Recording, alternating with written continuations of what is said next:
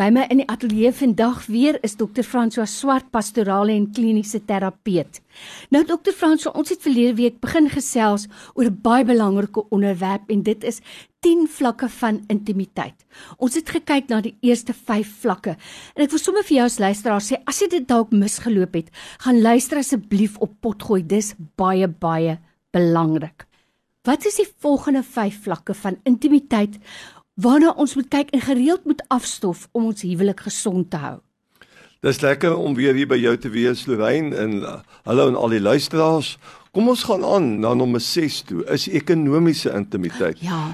Weet jy, dit is 'n uh, geweldige ding. Finansies is 'n groot rede hoekom uh, die romanse baie keer by die venster uitdwaal.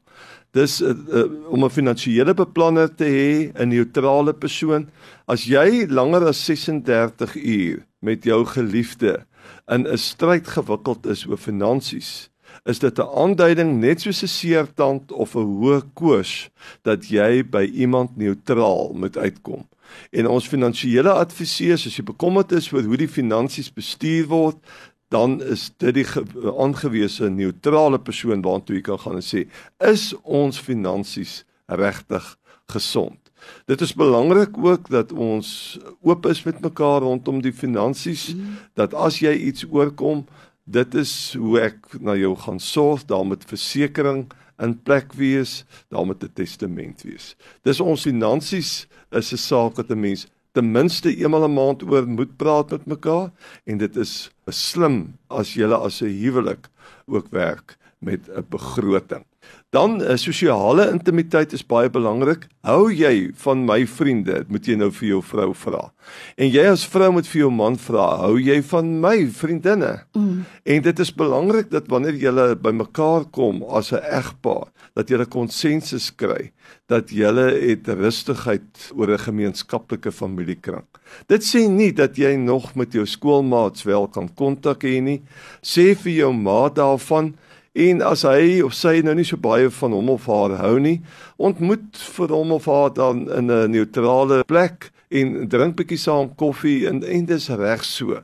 Pas op vir al die vriendinne wat ons aanhou uh, op die sosiale platforms mm -hmm. en wanneer jy besig is op 'n platform van hierdie sosiale platforms, lig jou maat altyd in daar rondom. Opvoedingsintimiteit is is is ons agste een En ek begin altyd sommer met het julle honde daar op die werf? Wie is bereid om te sorg dat die hond gereeld na die veearts toe gaan? Wie sit die hond se water en se pille vir hom uit wat hy eet? Wie bad die hond nou en dan? Is daar plante in julle huis? Wie is besorg dat dit gereeld nat gegooi moet word? Met ander woorde, Hoe werk julle as 'n paartjie om dit wat lewendig is in julle onmiddellike omgewing, plante, diere, opvoedingsintimiteit om dit te versorg? Want dit is 'n aanduiding van hoe pappa en mamma jy eendag gaan wees. Want as jy dan met 'n kind toevertrou word, gaan julle as 'n span regtig funksioneer in terme van die opvoedingsintimiteit. Want ons ons het al daaroor met mekaar gepraat. Dit kos 'n gemeenskap om 'n kind op te voed. En in die huwelik uh, moet 'n mens saamspan. En dan die negende een is vir ons baie belangrik en dit is natuurlik spirituele intimiteit dat julle julle geestelike krag uit dieselfde bron uitkry. Die Bybel is vir ons belangrik daarmee 'n gemeenskaplike belydenis wees oor die drie eenheid, die Vader, die Seun en die Heilige Gees. Dit is goed as 'n mens as egpaar ook vir mekaar kan bid. Wanneer jy luister as jou maat bid of met die Here praat, hoor jy ekkoes van sy gemoed wat jy nooit in 'n koffiewinkel sal agterkom nie. Hoe jy met jou hemelse meester praat, gee vir jou 'n kykie soos wat Auntie Krog skryf in iemand se siel. Jy kan deur iemand se oë, ek wil dit so 'n bietjie 'n spin gee, deur iemand se gebed hoor jy baie keer waarmee 'n persoon ten diepste in homself worstel. Dis spirituele intimiteit is belangrik en dis belangrik dat 'n mens tyd maak daarvoor.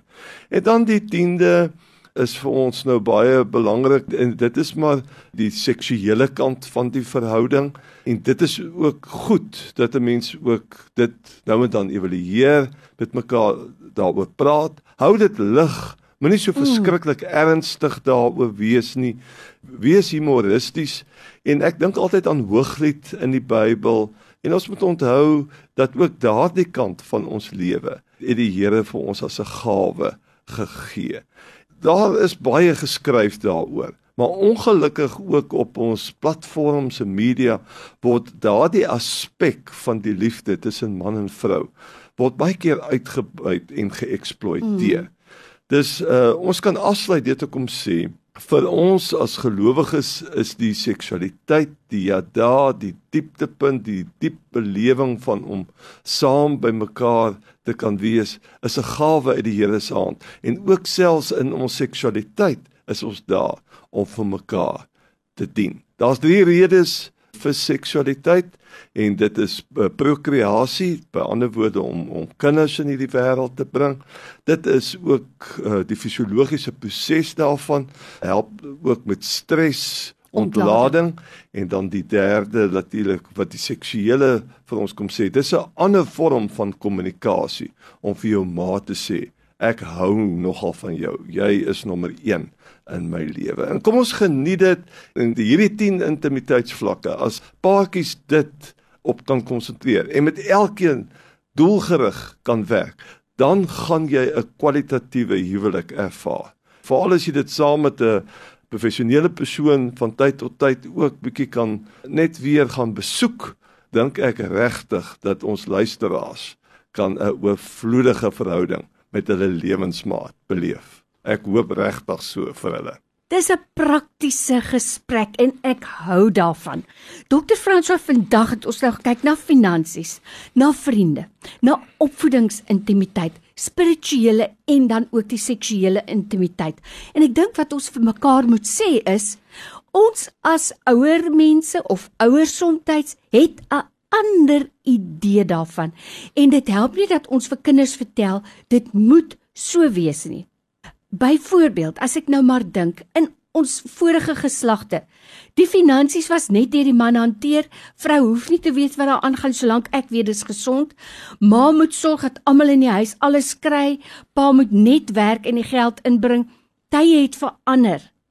Maar ek dink ons moet vir mekaar sê, dis belangrik dat die paartjie self dit uitwerk en in gesprek en natuurlik met die groot handboek aan hulle syde deur werk en nie dat ouers of buitemense sê maar dis hoe dit eintlik moet wees nie. So ek dink dit is verskriklik belangrik hierdie dinge waaroor ons praat en ek sê baie dankie daarvoor. En soos altyd wil ek vir jou ook sê as luisteraar, onthou, Dr. François sê dit gereeld. Kry 'n buitepersoon. Sê dit gou vir ons. Hoekom is dit so belangrik om 'n objektiewe persoon in so 'n gesprek ook in te kry? Ek dink net uh, ons ons as gelowiges Lorraine ons dink ons is baie sterk individualisties binne die westerse kapitalistiese wêreld. Maar ons is eintlik kudde mense, mm. groep mense. Ons ons hou daarvan om in 'n groep in 'n familieverband in 'n span verband. Ek is so bly ek is nie alleen 'n gelowige nie. Ja. Jy is saam met my. Mm. En wanneer ek af is, kan jy vir my bid en wanneer jy af is, kan ek vir jou ondersteun. En ek dink net dit is die verantwoordelike ding rondom die liefde en ek wil maar net herhaal wat jy gesê het die landskap van die liefde verander voortdurend. Een geslag kan nie vir die ander een presies sê nie en ons moet werk met die uniekheid daarvan. Dis uh, ek dink uh, regtig om om na 'n neutrale persoon te gaan is 'n wyse ding om te doen. Ja, want ek dink ook so 'n persoon is nie emosioneel verbind aan een van die twee persone nie. Weet jy baie keer ontdek jy iets omdat 'n neutrale persoon dit sê wat jy nooit besef het nie. As die vrou nou net haar ouers sou inroep, gaan dit anders ingekleer word of die man net sy ouers inroep. Waar 'n buitepersoon kan vir al twee wys op vlakke en plekke waar hulle kan leer en waar hulle nog kan groei. So ek dink is ontsettend. En ek dink ons kan afsluit hier te kom sê om vir die luisteraars te sê, 'n professionele, neutrale persoon vat nie kant nie.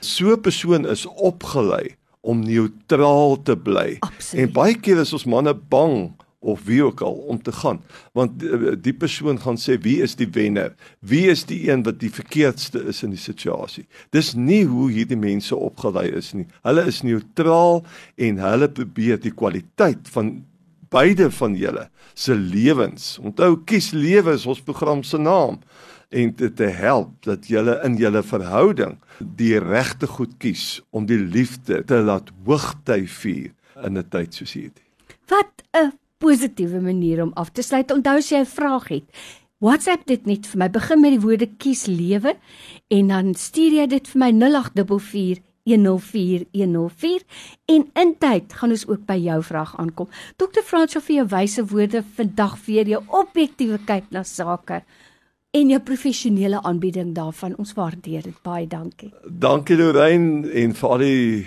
luisteraars. Geniet die liefde.